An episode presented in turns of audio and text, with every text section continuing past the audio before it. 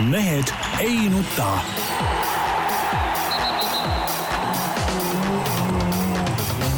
mehed ei nuta. selle eest, et mehed ei nutaks, kannab hoolt Unibet, mängijatelt mängijatele. tere teisipäeva, Mehed ei nuta eetris nagu tavaliselt Tarmo Paju. üks minut küll hiljem, Jaan, peab ütlema, et sa no ei kontrolli jaa, nagu saatejuhina seda. ei, sina oled saate, sina oled äh, Rubilniku mees. mis mina, mina võin sina siin saadet. siin lihtsalt jutustama mingist no jaa, veisist rubil... ja ma ei tea, mis asjast. jaa, aga sa keera Rubilnik sisse ja saade algab äh, õigel hetkel. kui ma oleks sel hetkel Rubilniku sisse keeranud. no mis vahe selles oleks? siis seda juttu keegi ei taha kuulda ka. no võib-olla tahab. ma teie vaidlust taha keegi kuulda, hakkab pihta. nii, see mees, kes siin kogu aeg ja. vaidleb ja segab ja venitab saadet, on Tarmo Paju. tervist! Peep, kes mõistlikult on vait, eks, ja loob korra majja, tema on Delfist ja Eesti Päevalehest. ja kõige mõistlikum on siis muidugi Jaan Martinson Eesti Päevalehest, Delfist ja igalt poolt mujalt ka. nii, olin vahepeal ära äh, rallil ja siis kuulen, et seltsimees Ossi, Ossinovski on otsustanud tagasi astuda, et ühesõnaga, nagu ma sain aru, keeras asjad kõik pekki ja siis vaikselt põgenes kuhugi Riigikokku lihtliikmeks kuskil seal vaikselt pinge all istub, et keegi teda ei märkaks, sest valimised on ju tulemas. no vastupidi, vastupidi, said valesti aru. nüüd läks aru, nagu õiget asja ajama ikkagi, nüüd läks ikkagi nagu nii-öelda valimistulemust sepitsema, noh. tegelikult võiks kõik ongi valimistulemus, mitte, mitte miski muu. tegelikult ma imestan, et miks äh, Jüri Ratast me teame kõik Peep äh, väga hästi, onju. mida, mida ta seal jändab üldse veel? et kah, ütleme. ei no kõik kuidas suudab nagu et kui Ossinovski suutnud mingisuguse hädise sotsiaalminister oli, eks selle, selle töö kõrvalt ei suutnud parteid juhtida, kuidas Jüri Ratas peaministri töö kõrvalt suudab. töö ja tervisekaitse vist, okei, töö ja tervisekaitse, no jah, jah. et, et kuidas ta selle kõrvalt suudab siis parteid juhtida, ka ei suuda. ka tuleb ära anda, panna mingisugune marionett sinna ei no äh, kõik noh, selles mõttes aasta enne valimisi võikski valitsus võiks lihtsalt paneme kinni, riigi asju me ei aja enam, sest noh, see ei olegi tähtis, tähtis on valimistulemus ikkagi. ja ega valijate silmis ka olulisem on ikkagi see, mismoodi see Ossinovski nüüd aasta aega sepitseb seda tulemust, mitte see, mida ta nii-öelda pukis olles riigi jaoks siis nagu tegi või ei teinud. nii on. ega sa valid ju Jaan ka, sa lähed valima, siis sa järgmine aasta mõtled ju hmm,, okei okay,, Ossinovski siin äh, siin äh, seda nagu noh, ministrina ikkagi ma ei, mulle ei meeldinud, mis ta tegi seal ja ei saanud minust hästi hakkama, aga küll ta hästi sepitses seal ikka nüüd aasta aega seda asja. kindlasti ma valin Ossinovski. sa olid vana sotside valija? olin, aga nüüd raudne, raudne ei ja muide, teine Peep, vaata, sa, sinu sõnad osutusid prohvetlikuks. alati nii? ei, alati ei ole, aga, aga siin vot tulin ka eile. sa ei suuda ka vait olla õigel hetkel, kõik oleks olnud väga hea mulje sust, aga ikka oli vaja nagu praadima hakata. nii, ja eile jõudsin hileõhtul koju ja, ja vaatasin veel uudiseid läbi ja kõik ja, ja siis lugesin neid maaelanike kirju, kes räägivad, et, et kuulge, unustage see tasuta bussisõit ära, tehke meie teed korda, me upume sinna, me ei saa lapsi kooli viia. ja siis äh, Preili äh, Preili ministri, mis ta on, Kadri Simson jah, tahtsin Kadri Must öelda, eks. Kadri Simsoni vastus, tema teab ikka paremini, mis on maarahval vaja. ta on linnas, ta ei ole siit linnapiirist ju välja kallid inimesed saanud, aga tema ütleb ikkagi, et, et ei, see on ikkagi tasuta bussisõit, see on palju tähtsam kõik. no ja, ja, ja kusjuures mille pealt ta otsustab? ta ütles, me tegime uuringud Harjumaal. no kallid inimesed, see ei ole Eesti no., Harjumaa ei ole kogu ma seda kogu aeg rääkinud, et, et inimesed ei tea, aga, aga nüüd ütleme poliitminut äh, lõpetuseks ma tahaks muidugi tervitada ka Ungari rahvast, kes tegi absoluutselt jälle suurepärase valiku. tähendab siin meie ajakirjandus, ütleme, proovib kallutada küll neid tulemusi nii ja naa, eile vaatasin Välisilma saadet ka, no päris piinlik oli kohe kuulata sõna otseses mõttes, mis, mis joga seal suust välja aeti, aga, aga rahvas valis õige mehe ja valis äh, immigra-, immigratsioonivastase mehe ja väga õige, eks ole seisab, on, on Euroopas ainult üks riik, kus seistakse nagu oma rahvuse ja oma rahvuse huvide eest, et noh, me peaks siit eeskuju võtma. et see on nagu, nagu vägev, mitte, mitte siukest, siukest koeraokset eetrisse laskma nagu, nagu lasti eile ja nagu no ega, ega siin ütleme meie väljaandes ka need meeleolud eh, on, on ikkagi suht sarnased nagu ja et meie oleme need õiged, kelle asi on haukuda Ikka, Ungari jah, rahva peale. kui rahvas tegi oma valiku ja, ja totaalselt tegi selle valiku väga õiges suunas meie no tribüün on sullegi, Peep, avatud, nii et prog-, progressiivne euronoor äh, Tarmo on kuidagi vait. ei, ma ütlen, Peep, tribüün on sul avatud. ei no tribüün oligi, ma praegu ütlesin. ei no sa võid ka, see on nagu Mehed ei nuta, aga noh, ka Päevalehes muudel lehekülgedel ei, ma tegelen spordiga siin. nii, aga nüüd on südamelt välja öeldud, mis öelda oli, lähme nüüd spordi juurde ja öö, Ott Tänak siis Korsika rallil sai kena teise koha, aga paraku kui me vaatame MM-tiitli jahti, siis äh, ikkagi tiitel liikus Sebastian Ogier käevangus ikkagi kõvasti kaugemale. nojah, ütleme võib-olla neli etappi on sõidetud, on võib-olla tiitli kellelegi nihkumisest ja natuke vara rääkida, sest noh, kõike võib juhtuda, aga selles suhtes Jaan on sul muidugi õigus, et, et kui Osier kuskil ei eksi, siis on äh, asi juba kotis põhimõtteliselt. no äh, rääkisin ka seal rallipargis, olin, äh, olin Korsikal kohal ja rääkisin äh, rallipargis ühe, teise ja kolmandaga ja, ja kõik nad ütlesid, et kuulge, unustage ära, et, et sel aastal keegi teine võiks võtta maailmameistritiitlit. vaadake Osier'd, neli rallit, kolm esikohta. ja, ja, ja vaadake, kuidas ta sõidab ja, ja mis oli, et tegelikult ega me ei saanudki teada, kui hea ta seal Korsikal ja kui kiire ta seal Korsikal üldse on. ta esimese päevaga põhimõtteliselt just kahe selle pika kiiruskatsega tõmbas parajad vahed sisse ja, ja edasi lihtsalt kontrollis, kontrollis võidusõitu. ja, Jaan, see kõik on tore, aga sa eile, kui me tegime kuulsat rallistuudiot, soovitan kõigile kuulajatele muidugi vaadata ka, ma usun, et oletegi juba vaadanud. said juba liini pealt nii-öelda maha läinud mm -hmm. lennukisabasse, kui ma, seesama jutt oli ja, ja ma ütlesin, noh, tegelikult nüüd Ožee eh, see tugevus peab tulema välja nüüd järgmiste kruusarallidega, kus ta stardib esimesel päeval ees, praegu kuidas ta on saavutanud edu, eks ole ta on läinud äh, esimesel päeval, teinud kõva tulemuse, oli see Monte Carlos, nii oli see nüüd, Korsikal nii, eks ole, asfaldil ees on hea, hea seal põrutada, kohe vahe sisse ja siis hoiab.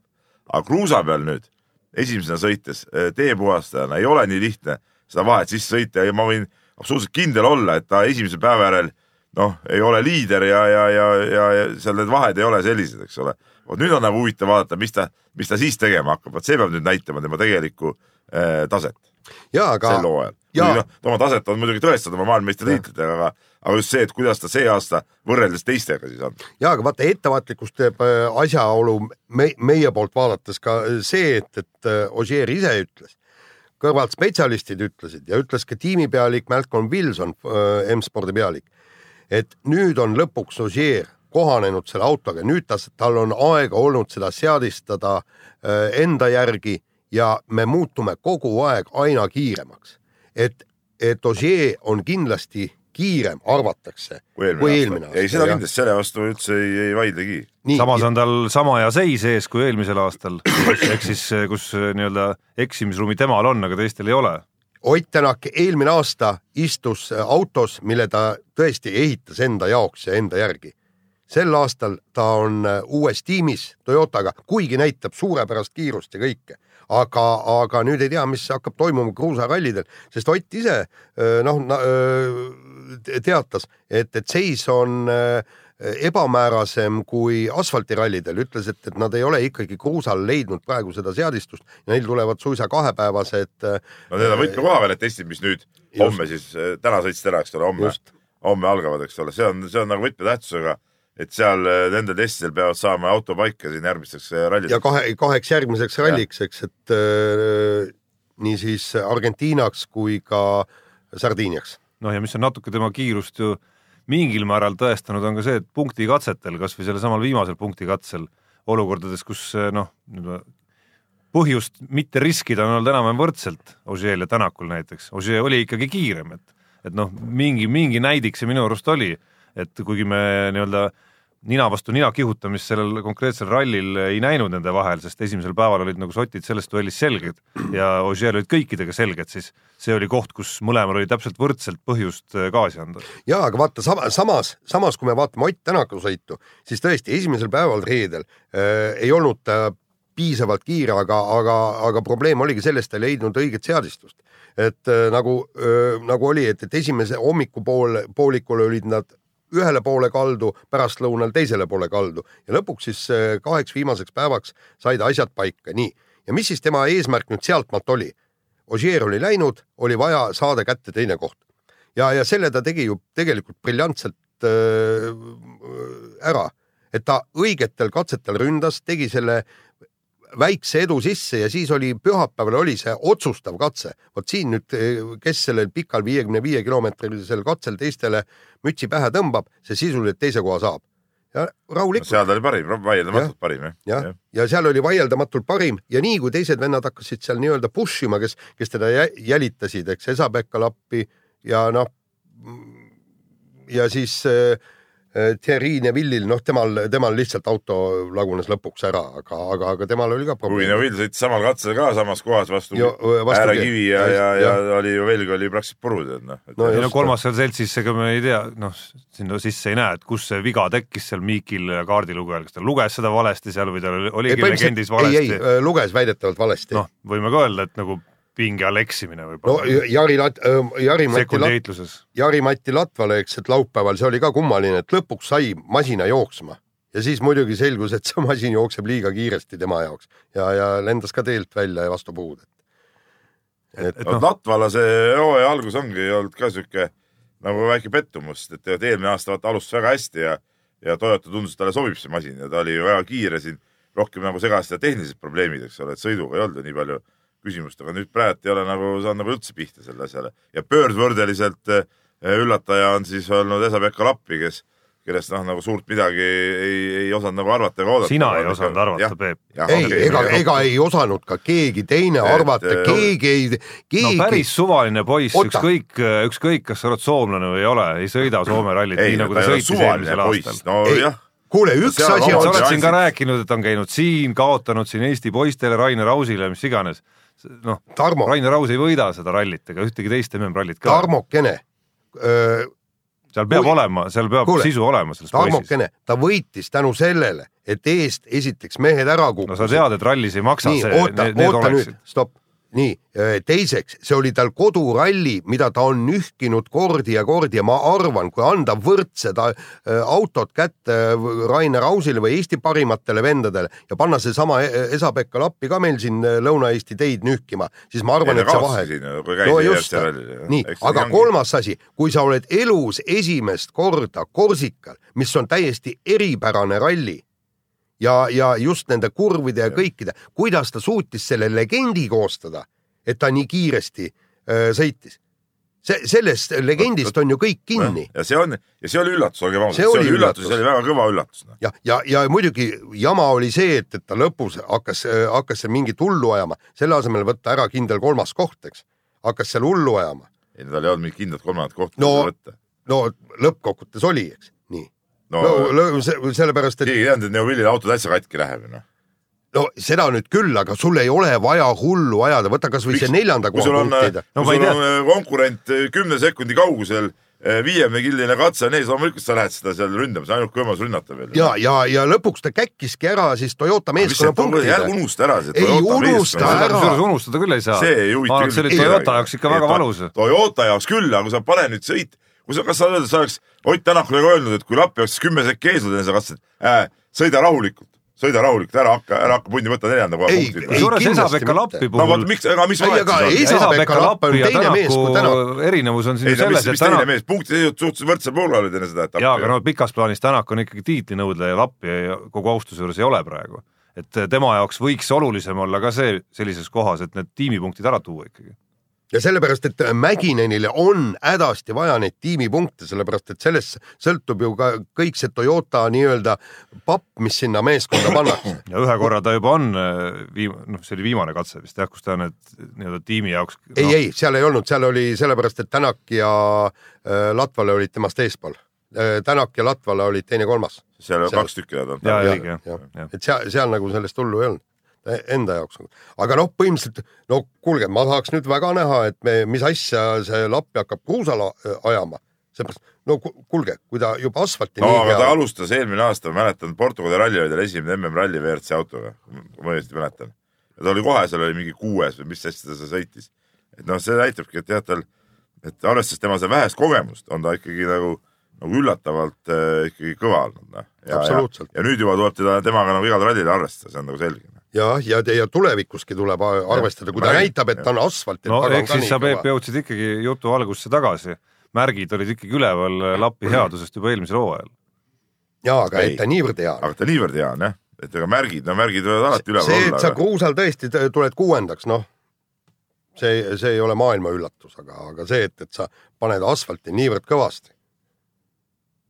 nii, nii nii, aga äh, kiirelt veel äh, siia otsa natukene jalgpalli, ehk siis jalgpalli meistrite liigas otsustavad mängud käes ja noh, nii-öelda meie Liverpool, kus Ragnar Klavan viimasel ajal vähe mängib, aga, aga nüüd nädalavahetusel Inglise liigas sai ka platsile.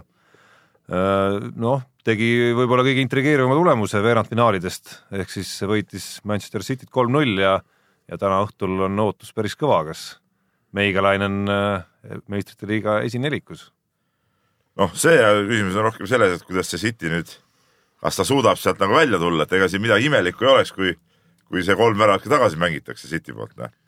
no ma arvan, võti Liverpooli jaoks tundub, et ongi see, et igaks juhuks tuleb see üks ikkagi nagu ära lüüa alustuseks no,. mingil see... hetkel selles mängus, et, et siis okei okay,, viis on Manchester City'le löönud ka sel hooajal varem korra, aga siis nad olid ühemeelises vähemuses ja ja noh, raske uskuda, et nad seda uuesti lasevad juhtuda. kaks ja. korda on nad tegelikult nagu lappama lasknud sel hooajal mängu juba Manchester City vastu.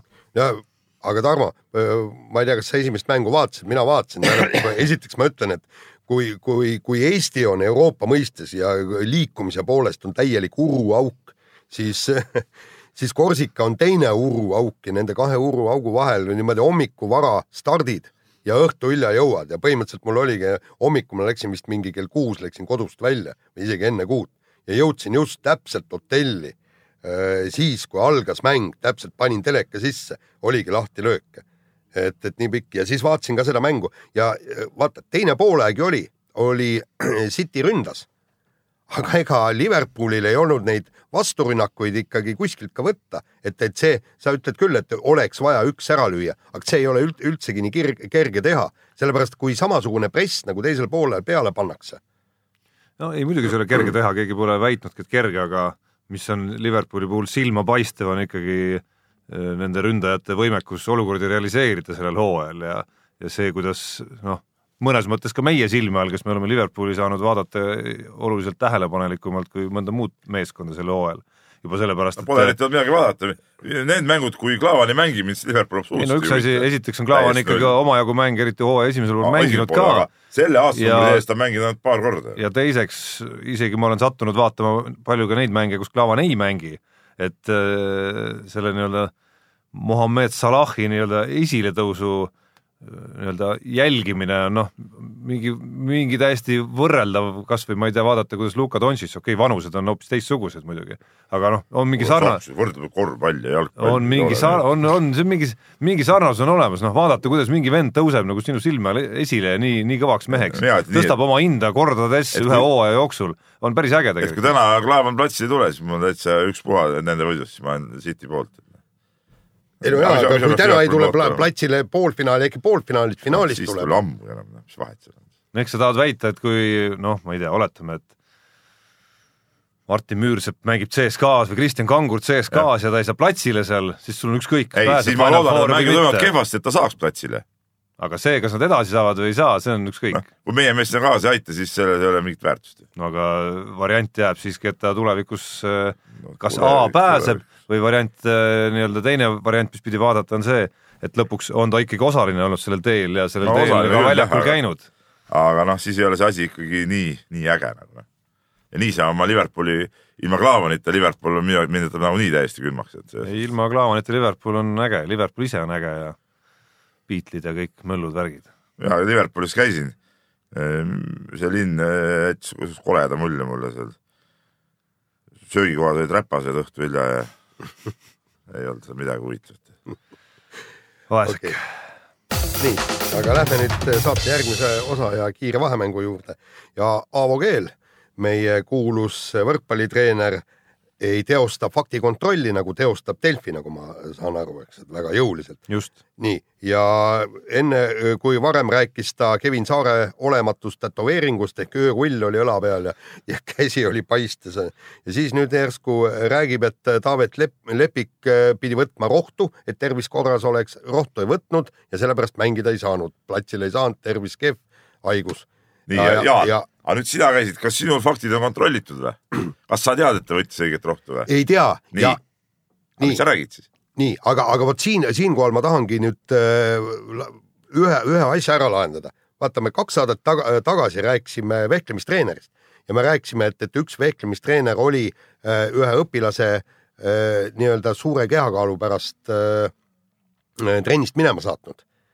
nii, ja, ja täpselt sama probleem meil tekkis see vehklemistreener helistas mulle, ütles, et kust te seda võtate, tema rääkis oma. me ei maininudki üldse, kuidas sa keegi helistada, kui me ei maininud isegi vehklemistreeneri nime. kõik vehklemisringkonnad teavad seda, nii, ja mina omalt poolt palun see, seekord tõesti vabandust kahel põhjusel. punkt üks on see, tõesti, me ei kontrollinud fakte, nii mina nii. kui sina ja hakkasime seda teemat arutama et see ei olnud nagu väga õige. aga teine asi on, mis, mis on palju tõsisem asi, on tõesti, et nii-öelda noorte, noorte sportlaste kehakaalu teemadel ei ole väga hea äh, vestelda, sellepärast et äh, ma olen. aga kust sa tead, et, et see ei olnud nii, kus see fakt on? et see ei olnud nii või?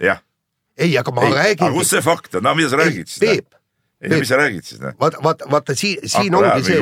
ei, ma ei aja umbu. tähendab, kuna ma usaldan ja tunnen seda vehklemistreenerit äh, piisavalt hästi ah,. ma palun, ei, nagu ma palun vaba, vabandust selle eest, et me selle teema üldse üles võtsime. mina küll mingit vabandust ei palu. ei, see on see, sinu enda, enda asi. unusta ära, tähendab, et, et peale selle me ei ole kellegi nime maininud me arutasime ja, seda teemat sellisena, me ei ole ka mingist õpilase nime maininud, nii et milles küsimus. aga, aga ma lihtsalt ütlen, et, et siin keegi nagu ennast puudutatuna no,, kõik ajakirjanduse reeglid olid nagu, nagu järgitud, eks ole, anonüümsus oli garanteeritud, kõik oli, kõik oli okei okay.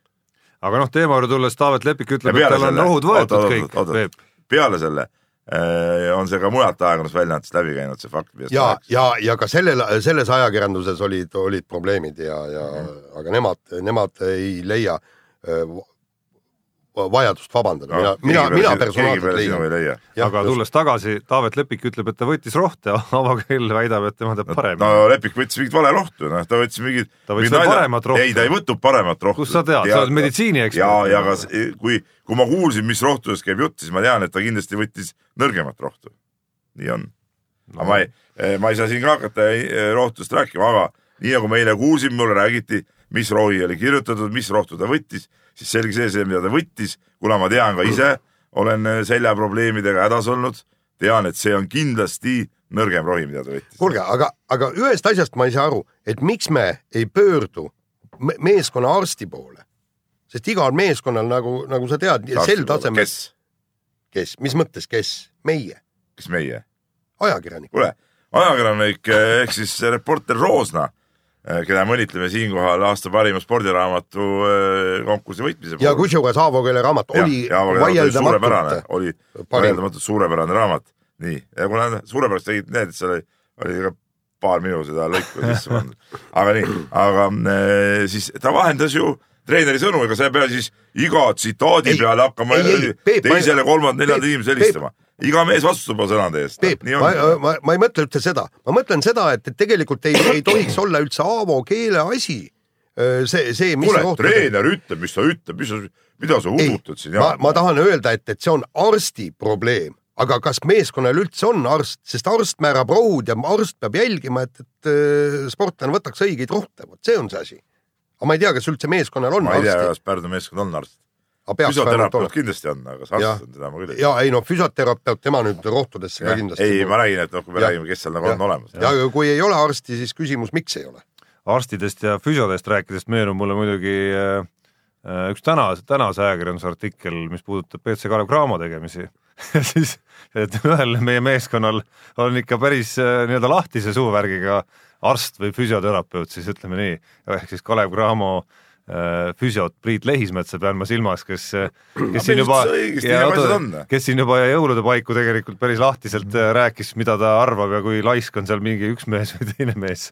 ja nüüd pani ka paika seal mingid mehed veel, Assaia Prisko no, eelkõige siis. no aga äh, tähendab, me ju tahamegi nii oleks, ausalt tuleb asjad ära öelda. nii nagu asjad on, mitte meie, mina kui tavainimese jaoks, kui ma ütlen, et Jaan, sul on äh, Äh, kõht viimasel ajal kasvanud, siis ma ütlen Jaanile, nii on, eks no, ole. No. Jaan ütleb mulle, näe Peep, sul on ka, nii on ja ongi kõik. mis me siis ütleme, et meie... oi Jaan, küll sa näed täna hea välja, tead, noh, sa, sa oled kohe, kohe siledamaks läinud, me jääme mingit udujuttu siin no.. et meie no. lugejate jaoks super, aga noh, huvitav, et Kalev Cramo nii rahulikult seda vaatab. nii, aga vahetame teemat ja Äh, siin järgmises teemas nalja on vähe ja, ja lõbu on vähe, nimelt Tommy Mäkinen ütles siis Korsika rallil, et väga ebatõenäoline, et Ott Tänak saab tulla sel suvel Rally Estoniale võistlema. ja, ja ta ütles, et, et me veel arutame seda asja, aga väga vähe tõenäoline. nii, Jaan ma..., äh, nüüd jälle räägime faktikontrollist.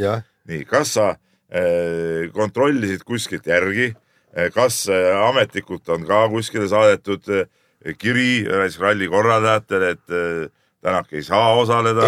sa paiskasid nagu üritust kahjustava fakti nagu õhku. ei no seal loos ei olnudki väidet, et ta ei tule.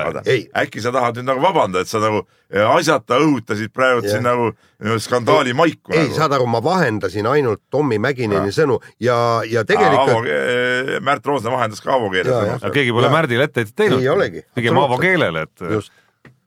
nii, aga, aga jah, ja probleem on lihtsalt, lihtsalt no pealtnäha tundub absurdne. Mäkinen ütles, et me võime ju auto siia Tänakule tuua, aga ei ole kedagi, kes sellele rattad alla krutiks ja, ja, ja teda hooldaks, sellepärast et neil on ju viie, viienädalane puhkuspaus on just MM-sarjas siis ja, ja kõik tema mehaanikud, kes on kõvasti palehigis tööd teinud, on puhkusel sel ajal. no loodame, et, loodame, et ralli korraldajad ikkagi saavad tiimiga kokkuleppele, et, et seal ikkagi töö ilmselt selles vallas veel käib, sest Rally Estonia ilma Ott Tänakut oleks ikka suhteliselt nagu sihuke poolik, poolik äh, üritus, et, äh, et äh, no minu arust võiks tulla siia kasvõi mingisuguse väiksema see mehaanikute brigaadiga ka, et siin on oluline, et oleks ju insener, kes tunneb süsteeme ja oleks, oleks mõned mehaanikud ja ongi kõik, eks ole, noh, samas muidugi jälle teha, siin ei taha mingit poolikut siukest asja nagu korraldada ka, see on selge. Aga noh, ma ei tea, maksta kinni siis korraldajad, ralli korraldajad võiks ju maksta kinni selle mehaanikute tuleku. tead, see ei ole odav lõbu, ma kahtlustan. kindlasti mitte. ja, ja kusjuures eile muidugi, muidugi just, just tuli, tuli jutuks see, et, et kuivõrd äh, tööga seotud on need mehaanikud ja insenerid ja kõik ja siis äh, äh oli, ma ei mäleta, mis tiimi, kas oli Hyundai või, või kellegi äh, insener, kes oli eelmine aasta, vaata, kuna nad hakkavad ju autot arendama kõik, ta läks augustikuus läks äh, äh, Hispaania rallile ja koju jõudis alles jõuludeks. vahepeal koju, koju ei olnud, kogu aeg on autotehased, muud rallid, kõik auto arendamine, arendustestid ja kõik nii. et ütles, et see on täitsa uskumatu, kui palju ja kui kõvasti nad tööd teevad seal. ja, ja, ja see tõesti, et teistel inimestel suvepuhkus ära näeb jube raske neid mehaanikuid sinna. ma kardan, et Tommy Mäkinen ei ole see mees, kes käseks vot nüüd on tõesti Rally Estonia korraldajate Ott Tänaku palve, olge head mehed, tulge tehke, me maksame teile sellest kinni või midagi nii. sest kuskilt neid puhkepäevi tagantjärgi nagu võtta ei ole. nii, aga mm, hoopis hullud lood on siis eh, võitlusmaailma suure staari Conor McGregoriga. ma ei tea, on ta siis piisavalt palju vastu pead saanud seal matšides või mingi asi on talle ajud ära koputanud, aga igatahes juhtus nii, et mees sattus vanglasse selle eest, et ründas enda suure konkurendi bussi. no ega ta väga ei sattunud sinna, vaid äh, ikka üsna läbimõeldult oli tegutsenud, et sinna jõuda, tegi kõik ja. ikkagi. ma saan aru, et äh, keegi oli solvanud sealt konkurent, see suur konkurent oli solvanud tema mingit sõpra ja siis ajas mees kohale mingisuguse gängi kuskilt kodumaalt ja siis läks laamendama ja noh, selle asemel, et siis ma ei tea, oodata, et need vennad sealt bussist välja tuleks ja teeks nagu mingisuguse kuidagi nagu mees mehe vastu asja ja siis läks mingite, mingite nii-öelda teetõkete ja ma ei tea, mis asjadega bussi loopima. no miks ka mitte. no selles mõttes nagu kui sa veel võitleja ka oled, siis, siis, siis, mina arvan, et see oli siis, oot, siis ootaks pigem nagu mingist nii-öelda nagu noh, nagu otse mehele silma vaatamist. ma arvan, et see oli puhas reklaamitrikk ja show, et, et saada taas tähelepanu natuke ja, ja, ja nii see asi on. ja ei, see tead, see oma olemuselt oli see asi nagu show'st väga kaugel siiski noh, show mõttes oleks võinud rahulikult ka oodata, kuidas bussist välja tuleb siis noh ei no jaa, aga noh, nii no. oli ohutum, nii oli ohutum. koguge seal sõõri ja tehke üks matš siis. ei no, no sa saad aru, bussi pilduda mingisuguse teetõkete plaatidega on palju, palju ohutum. viga ei saa ju, see on efekt on suur, efektne, aga, aga ütleme, sellist vigastusohtu ei ole. muide see. no kurb küll, selles mõttes, kokkuvõttes on muidugi kurb, et noh, selline noh, üsna, üsna erakordne tüüp tegelikult nagu võitlusmaailmas ja, ja, ja mingis mõttes nagu fenomen ka kisub sind nagu Mike Tysoni nagu pahupoole radadele. ah, las mees ole, ega need võitlusspordi vennad ongi siuksed enam-vähem. noh, see, see, ma arvan, tegi liiga päris paljudele võitlussportlastele Peep praegu. ei no, no elu näitab ju, näed, ikka nad on pahu poole peale sattunud. no pahu poole peale on sattunud ka jalgpallureid, korvpallureid ja ma ei tea, saali, saalijoki mängijaid. tihtipeale vaatad Krimmi uudistes jälle äh, ka jälle mingid vennad, eks ole, kes on tegelenud siin mingi selle ja tolle võitlusspordiga. Et seal ikka see mingisugune agressiivsus jääb paratamatult ikkagi sisse. noh, jällegi ma ütlen, on ka Krimmi uudistes olnud jalgpallureid näiteks. Või korvpalli ei mäleta küll ühtegi. ei no miks ei ole, need narkovärgid ja kõik, aga noh, kuivõrd nad jalgpalli narko ja see on teine asi, ma räägin siin praegu nagu vägivallakuritegudest rohkem nii, aga võtame järgmise teema ja räägime hoopistükkis naistest.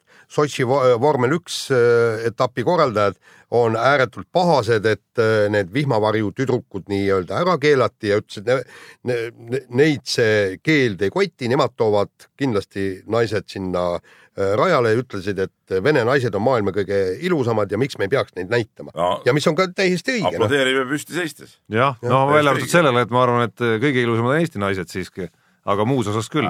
mingit lipitsemist oli kuulda jälle siin. absoluutselt mitte. Tarmo poolt, aga ei no põhimõtteliselt see, see on jah, üsna, üsna õige jah Tarmo, Tarmo sõnum. ma hakkan, ma hakkasin nüüd. üsna õige. ei, ei, ei, ma hakkasin praegu no, oma peas nagu võrdlema. Mis universumi võitjaks siis? ei no kuule, see on ju, kõik on mingi jura. no kuule, need ei ole maailmameistrivõistlused iluduses. kuule, see nii inetut piigat seal valitakse. selle järgi, Peep, kui sa juba tõid, saad isegi aru, et vene naistel ei ole lootustki. selles mõttes, et kõige rohkem on need tiitlid kindlasti läinud kuskile Venezuelasse või kuhugi sinna. mis sa, mis sa siis räägid? sa räägid, et maailma ilusamad on eestlased, muidugi eestlased ongi ilusad aga nad ei ole võitnud ühtegi tiitlit. Nad on kõige ilusamad ja ei ole võitnud ühtegi tiitlit, sellega ma olen nõus. Eesti naistel Nii. erinevalt äh, Venezuela naistest polegi vaja seda tiitlit. nojah. nii ja kõige nalja, kõige naljakam osa aga... muidugi selle asja juures oli see, et Lewis Hamilton jõudis ju, ma ei mäleta, oli see Instagramis või Twitteris korra isegi sõna võtta, et äh, oh, et lõpuks ometi keegi nagu, kellelgi tuli mõistus pähe. aga kõige. aga siis läks mööda mõned, mõned hetked ja siis oli see postitus eemaldatud, nii et nõrk. see oli eriti nõrk muidugi, aga noh, ma, ma ei saa aru, mis nende tüdrukute vastu siis on või miks see üldse. ei ole aru saanud ausalt öeldes. ei tea jah. sest et näiteks MotoGP-l olid küll need tüdrukud alles. no jumalast tea ju. no ei, ei, ei saa, ei saa aru sellest, mis.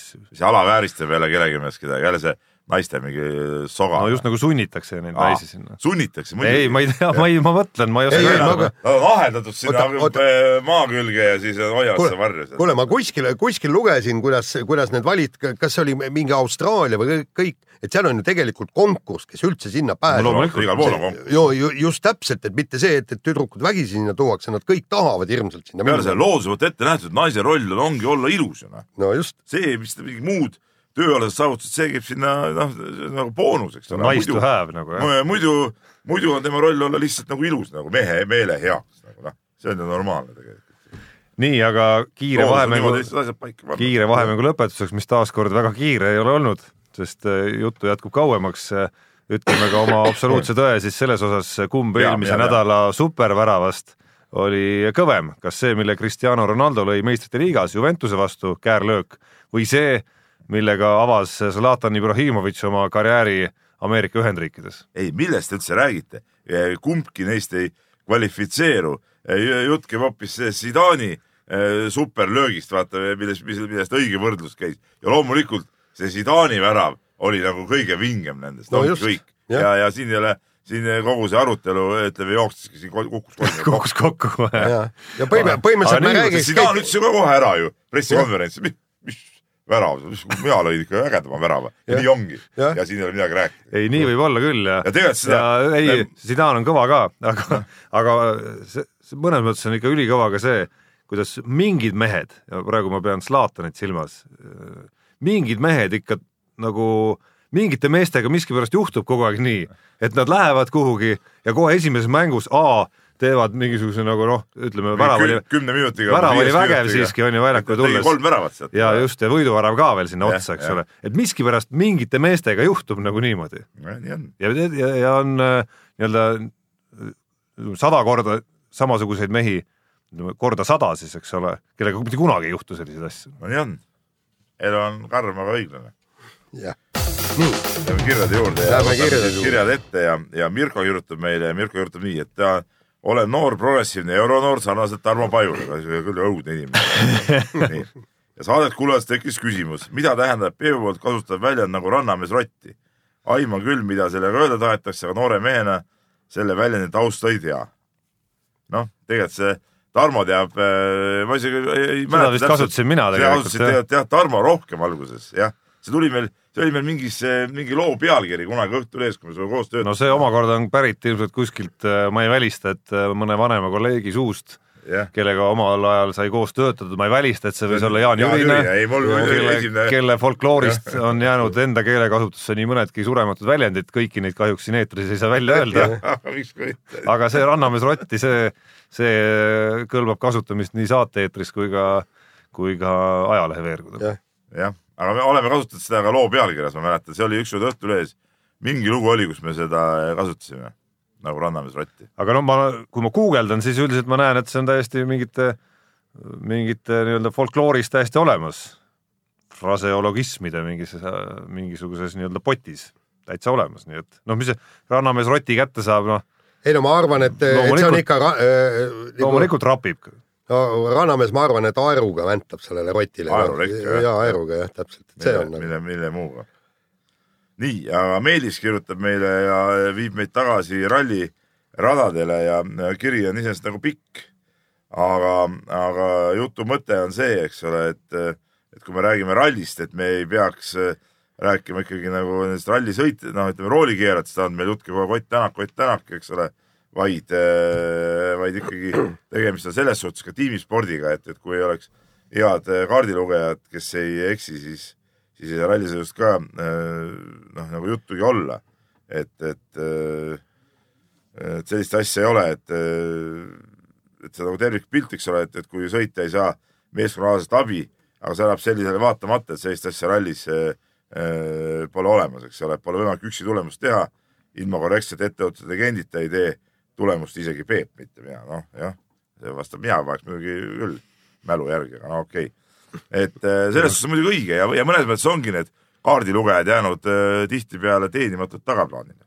ja aga, aga paratamatult on nii ja ma olen kaardilugejatega ka rääkinud ja nad äh, õnneks ei tunne ennast puudutatuna, et et need, nad leiavad, et nad saavad aru, et, et tegelikult on staar, kes särab ikkagi piloot ja tema on lihtsalt kõrvalt abiline, ilma kelleta muidugi mõistagi hakkama ei saa. küll aga, aga äh, Martin Järveoja kiituseks võib öelda see, et, et tal on alati rallidelt on, annab väga häid kommentaare ja analüüsib nii-öelda seda võistlust ja seda sõitu ja neid katseid äh, ääretult pädevalt. Äh, et selle, selle poolest suur tänu talle no kui me vist puudume kaardilugejaid, siis tegelikult on, ütleme näiteks Eesti kontekstis sõitvate rallimeeste, rallipaaride ja, ja tippsarjas sõitvate rallipaaride see, see kaardilugejate võib-olla valiku kriteeriumid ja ülesanded on natuke erinevad, et kui tihtipeale, eriti varasemal ajal oli niimoodi, et võeti kaardilugejaks eh, mees, kes suutis tuua nagu raha, et saaks üldse rallit sõita, noh, siin on igast rikkurid Robert Lepiksonidest ja Oleg Ljadovitest pihta hakates on sõitnud, eks nad on raha, võtnud ühe, ühe hea rallimehe, istunud sinna kõrvale ja siis on sõidetud seal et, et, et kaardilugeja pool oli põhiliselt nagu siis finantsi tegeleme, siis mm tasemel.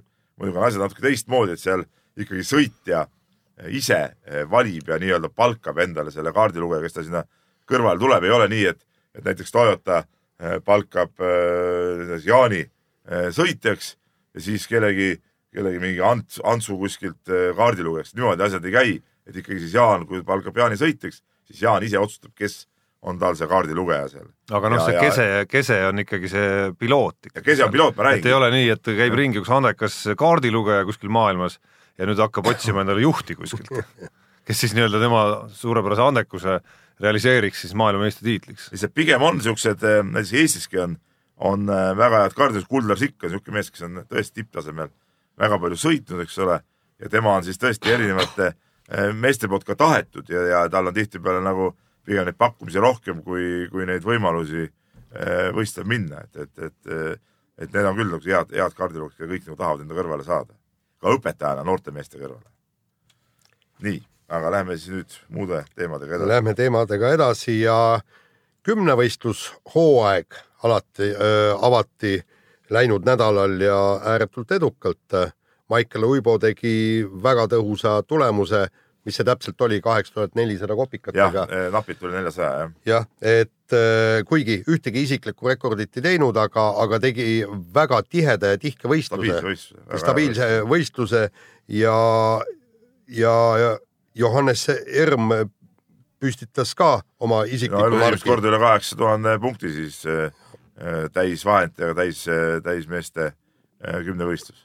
jah, ja, ja, ja nüüd langeb ilmselt kivi Eesti Olümpiakomitee tippspordikomisjoni südamelt, sest nagu ma olen kuulnud, oli seal probleem, et mis äkki, kui me maksame nüüd toetust äh, Maicel Uibole ja äkki juhtub nii, et ta EM-i normi ei täidagi ja kõik, et kuidas no. me siis käitume ta,, ta-ta-ta-ta, kõik nii.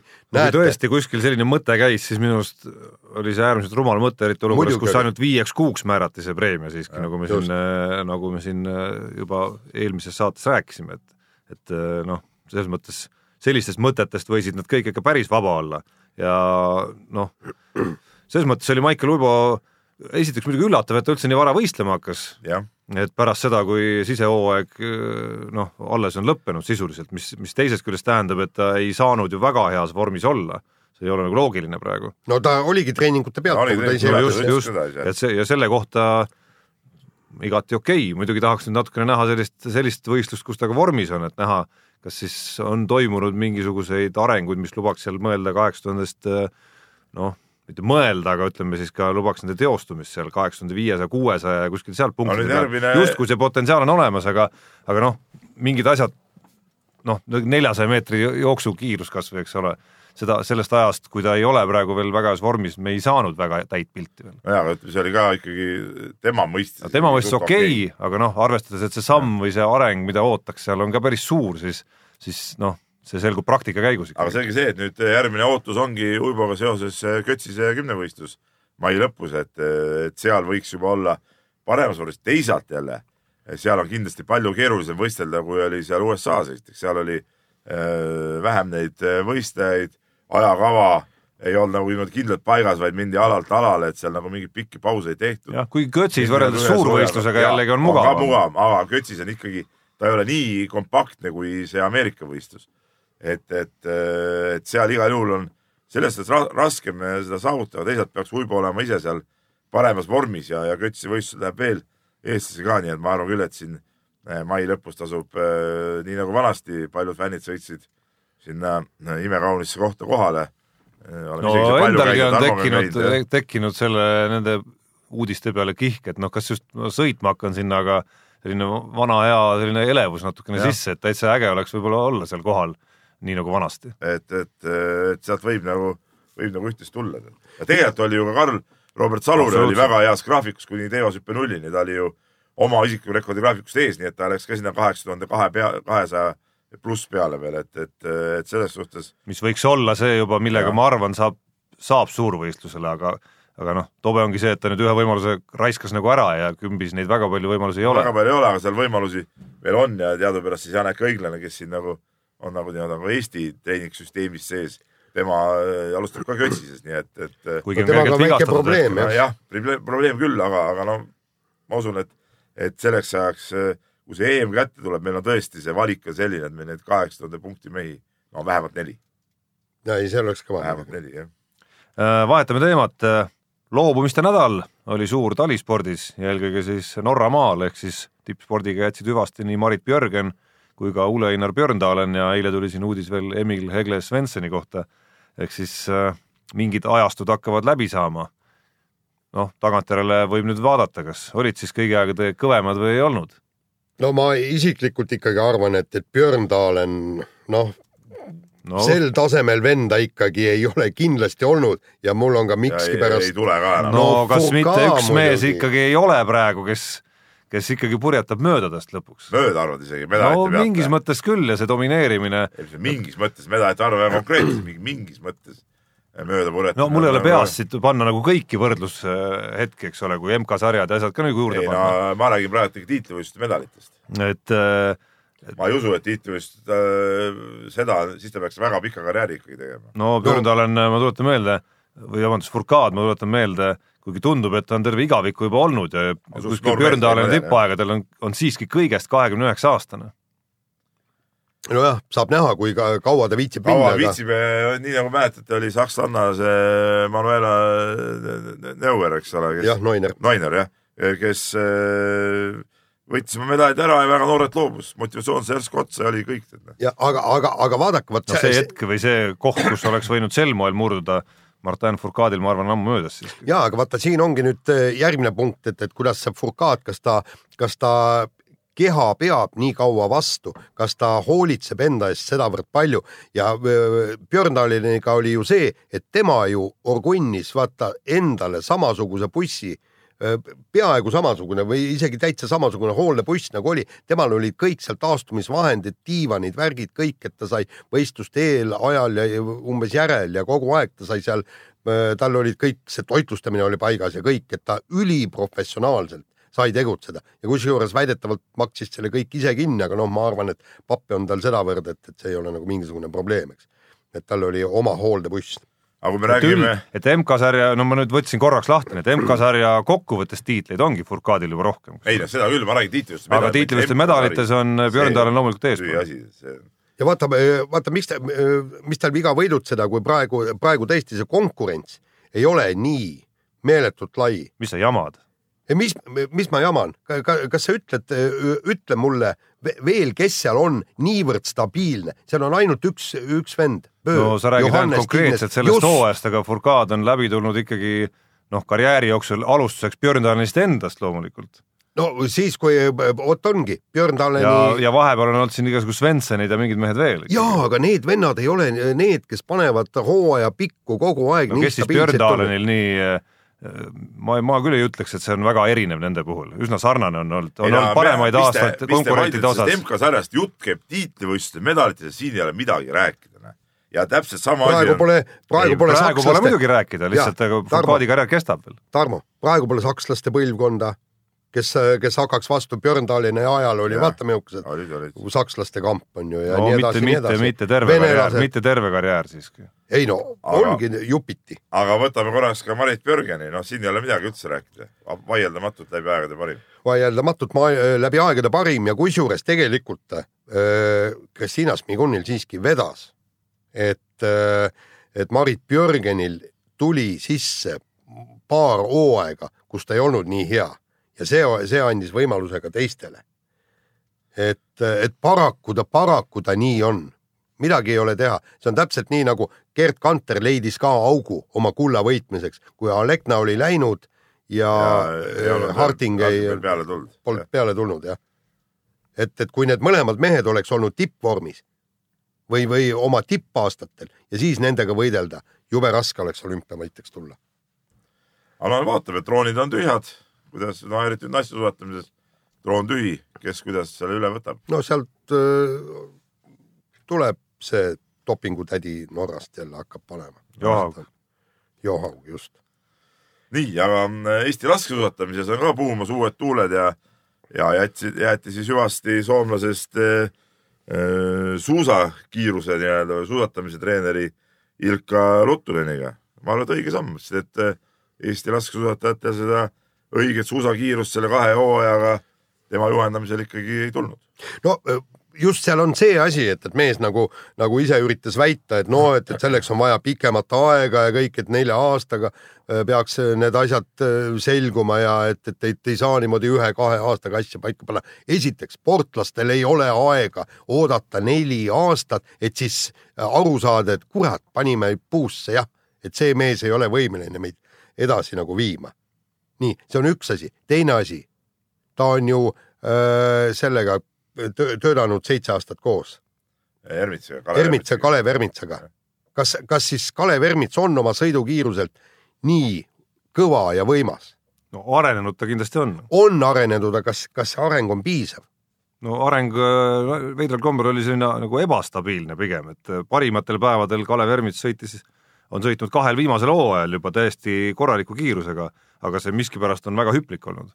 no ja, ja samas äh, hüplik ja, ja, ja üksikud võistlused, need, mis on välja tulnud ja lõpuks ta ise ka tunnistanud, et tegelikult sellest kiirusest, mis praegu on, ikkagi päris äh, konkurentsis püsimiseks ei piisa, et sealt on vaja veel kärpida, veel kärpida, eks ole. vaata see. et ongi, ongi sihuke veider olukord, kus ühest küljest on Ilka Luttunenil ka õigus, eelmisel hooajal, noh, lõppenud hooajal noh, oldi selgelt siiski paremad kui üle-eelmisel hooajal.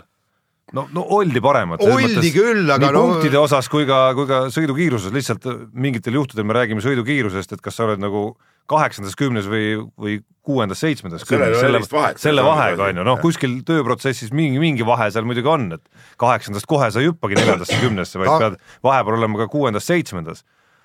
Tarmo, kui, kui sa jooksed maratoni kolm null null, siis äh, tuleb treener, töötab sinuga ja paneb su jooksma kolm viiskümmend kaks viiskümmend. või, või kaks viiskümmend, eks. kümme minutit võttis ajast maha, aga mida sa selle äh, kahe viiekümnega teed, aga kui, kui me räägime ikkagi sellest, et sellest kolm null nullist tuleb tuua kahe kahekümne peale vähemalt. Ja, absoluutselt ei nõus noh, et selles mõttes nüüd, nüüd siis saame näha, kas asi oli selles või asi on mingites muudes asjades, kas siis sportlastes endis või selles, et äh, nagu süsteemis on mingisugused asjad, mis ei ma ei tea, mis ei lase valmistuda, teha tööd selliselt, nagu peaks tegelikult, et neid, neid faktoreid on kindlasti veel, mis siin võib olla mitmeid asju, sest et näiteks Indrek Dobralutsuga rääkisin, siis ta ütles ka, et nii äh, ütleme, metoodilist lähenemist pole varem tegelikult olnudki, kui oli, oli äh, Ruttulini ajal, eks ole, et kõik trennid, kõik, kõik, kõik olid nii täpselt lahti kirjutatud, aga noh, siis ongi see küsimus, et noh, sa võid äh, väga metoodiline olla, kui see metoodika ei ole piisavalt hea või või siis ei ole tõesti sportlased piisavalt head, et selle metoodika abil kuhugi jõuda, siis peab proovima muid teid, sain just hiljuti lugeda ühe suusatreeneri ülipõhjalikku kokkuvõtet hooajast, kus oli lehekülgede, lehekülgede, lehekülgede kaupa eh, kirjutatud, kuidas see hooaeg oli, kõik treeningprotsessid, võit-, võistlused, kus tehti vigu, kus, mis tehti õigesti ja miks eh, olid tulemused sellised, nagu nad olid. et huvitav, et, et kas laskesuusatajatel ja Luttunelil on ka samavõrd põhjalik äh, analüüs tehtud noh, niisugune kümme, viisteist, kakskümmend lehekülge, et ja kõikide sportlaste kohta ka, ka eraldi, et, et seda tahaks väga lugeda. noh, sama on ka teistpidine küsimus, et ega Peep, kui sa kirjutasid sellest äh, teemast eelmisel nädalal, siis äh, ega seal hoolimata sellest, et teati kindlalt, et äh, Luttuneni, Luttuneniga tuleb hüvasti jätta ja, ja, ja noh, ilmselt siis Indrek Dobrelutsu kätte anda kõik need ohjad, et oli seal mingi teadmine olemas siis nendel, kes otsustavad ja ka Dobrelutsul, et mis nüüd täpselt tuleb siis teistmoodi teha? et see areng kiirem ei, oleks? no kindlasti ei olnud ja asi selles, et ka otsustajad ise muutuvad, sest teadupärast tulevad juhatuse valimised alles, et, et pärast seda pannakse kõik lõplikult paika, et ähm, seal on, on ütleme, sellist mõttekohti on palju praegu. aga kas peatreener on paika pandud tänaseks? ei ole, no, see on ka teada, et ei ole. jah, no vot, et kõigepealt ja, ja mida nad ootavad? see on viimane aeg on ju panna peatreener paika aprilli lõpus no,. Toomas ise ütles ka, et noh, tegelikult ei ole nagu, ei ole nagu probleemi, et, et, et enne aprilli lõppu nagunii midagi ei toimu. no just, aga. nii-öelda eeldatav uus peatreener, eks ole. just, aga kas temal oli olemas see teadmine, nägemus, mida tuleb no, teha nüüd teistmoodi? ta ütles, et tal mingid mõtted on nagu, mida teha, jah. loodame, et. loodame, jääme ootama. nii, aga nüüd saate viimane osa ja, ja ma võin vist vaikselt piibule minna, et Äh, korvpalli on see kõik. tossutamine ära, Jaan. Äh, see on korvpalli täis, lõpetage te korvpallist rääkimine ära. nii. no siis võime saate, võime lugeda lõpuni. midagi väga palju rääkida polegi. nii, aga rääkige nüüd oma korvpallijutt ära, kuulan huviga. no alustame siis Tartu Ülikooli ütleme siis Euroopa parimaks klubiks saamise puhul, ehk siis võit Šiauliai üle, kes omakorda võitis Kaunase Žalgirist, kes omakorda võitis Moskva CSKA-d ja kes omakorda on võitnud Euroliiga põhiturniiri. lihtne väga lihtne matemaatika. ütleme, Tartu on siin kaotanud ka sel hooajal mõnelegi Eesti klubile, nii et neid, kes saavad siin ühe astme võrra nagu pikemaks ajada, seda jada ennast ka Euroopa parimaks kuulutada, leidub veel.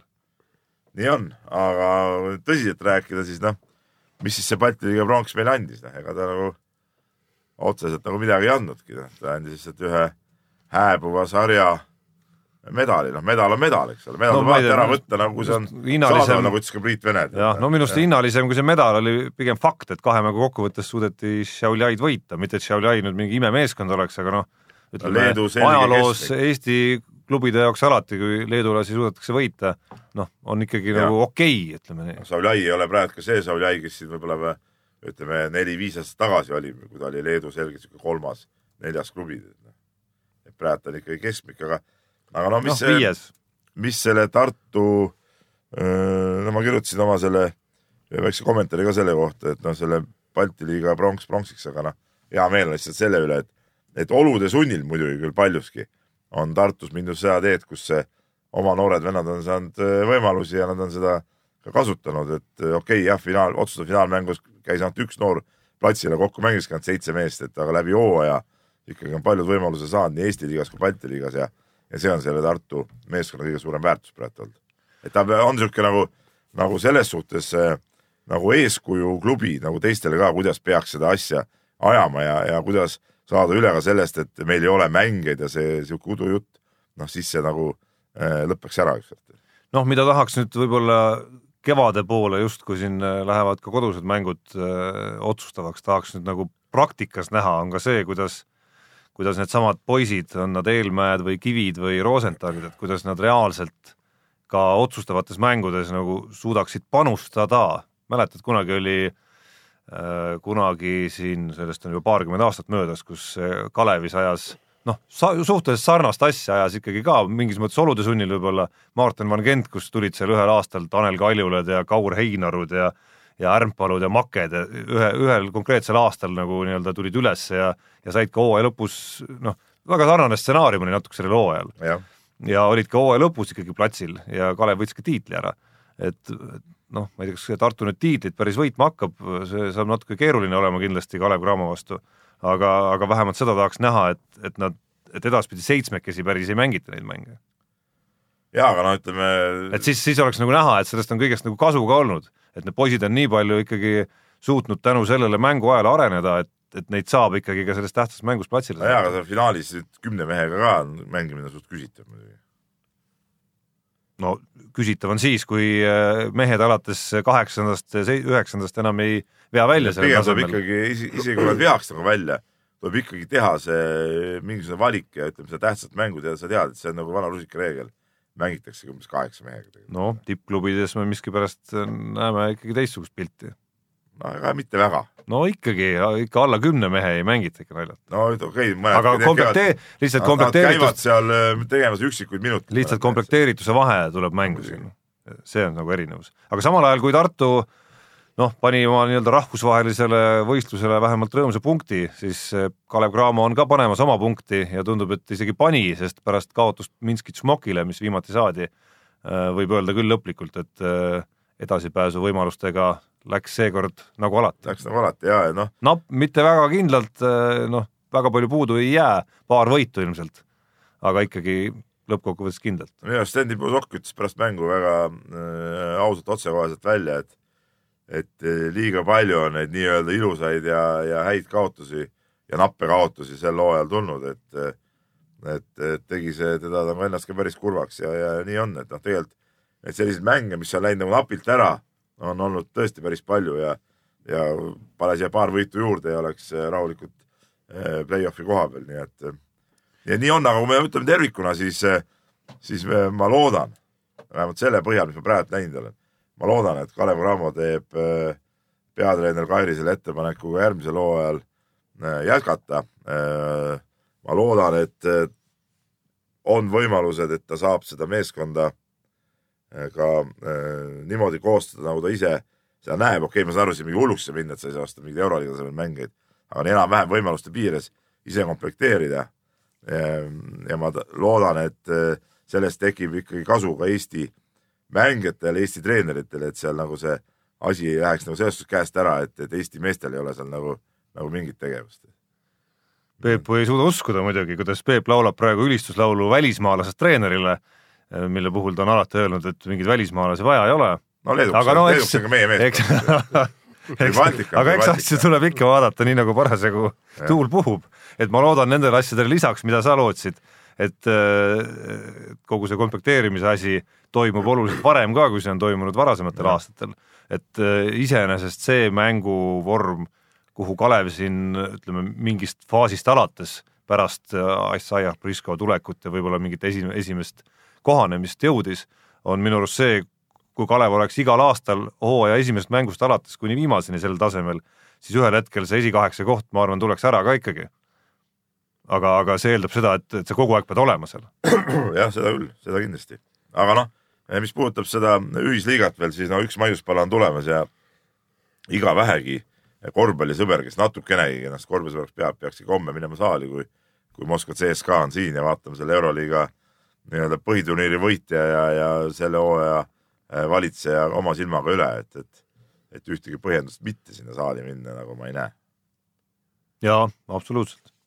ja noh, lõpetuseks ilmselt paari lausega lihtsalt, et Kaunases Žalgiris ülikõva. no lihtsalt vaimustav. jah, Euroliiga kuues meeskond põhiturniiril, järgmisel nädalal algab play-off seeria Pireuse olümpiaakosega, keda kaks korda on võidetud, kusjuures sel hooajal okei okay,, see teine võit oli selline noh, mine sa tea, kui, kui, kui täiega seal kumbki pani, eriti olümpiaakos, aga ikkagi äh, on see võimas, on see võimas. vaadates, kuidas nad ikkagi seda mängu võita üritasid, siis äh, ma ei ütleks, et olümpiaakos seal nüüd meelega seda mängu kaotas. ta ei kaotanud meelega, aga noh, mingid rotatsioonid olid seal sellised ei, ja, ja isikkoosseisud olid sellised, et äh, mis võib-olla nagu nii-öelda, mida me ilmselt ei näe esimeses play-off mängus.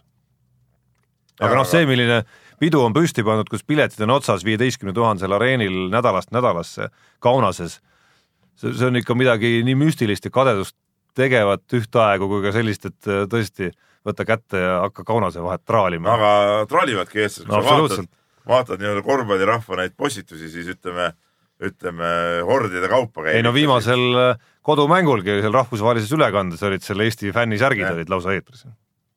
see on vinge. Nonii, tähendab, nagu ma saan aru, korvpall on kõva ja selle teadmisega me korvpall on kõva, kusjuures äh, teenimatult jäi meil võib-olla märkimata, et Rain Peerandi vilistab ju Eurocup sarja finaali. ja see on väga kõva asi. see on väga kõva asi. ja, ja, ja tõesti ütleme, võiks juba ette õnnitlused ära saata Rain Perandile, et ta see võimalus avanes noh, siukseid määramisi, siukseid määramisi ei tehta ju noh, mingi, vaatad lihtsalt tore poiss siin Eestist kuskil. aga miks ma ütlen, mis mõttes Rain Perand on tegelikult nagu äge vend. ma ei tea, kas see nagu olude sunnil või, või, või mispärast, aga mees satub hooaja jooksul paar korda ka näiteks noortemänge vilistama. on käinud isegi U kaheksateist mänge vilistamas, jumala tipp-topp. Noh. jumala tipp-topp ja peabki olema sihuke, et need noored poisid saaks ka tunda kuidas see õige vile nagu käib, eks ju, mitte ei ole nii, et, et mingid suvalised vennad tulevad ja puhuvad seal, vaid sihuke tippmees tuleb saali ja sa kohe tunned, et tegelikult okei okay,, sa seal mõnikord ei ole temaga nõus võib-olla, aga noh, see respekt on juba teine, noh, sest see ongi nii, et kurat, näed, euroliiga tasemel mees ikkagi põhimõtteliselt. kuule, põhimõtteliselt need, need vennad jäävadki siin korvpallist rääkima, ühesõnaga mina lõpetan saate, teie puhuge edasi Peranditest ja mitteperanditest. mehed ei nuta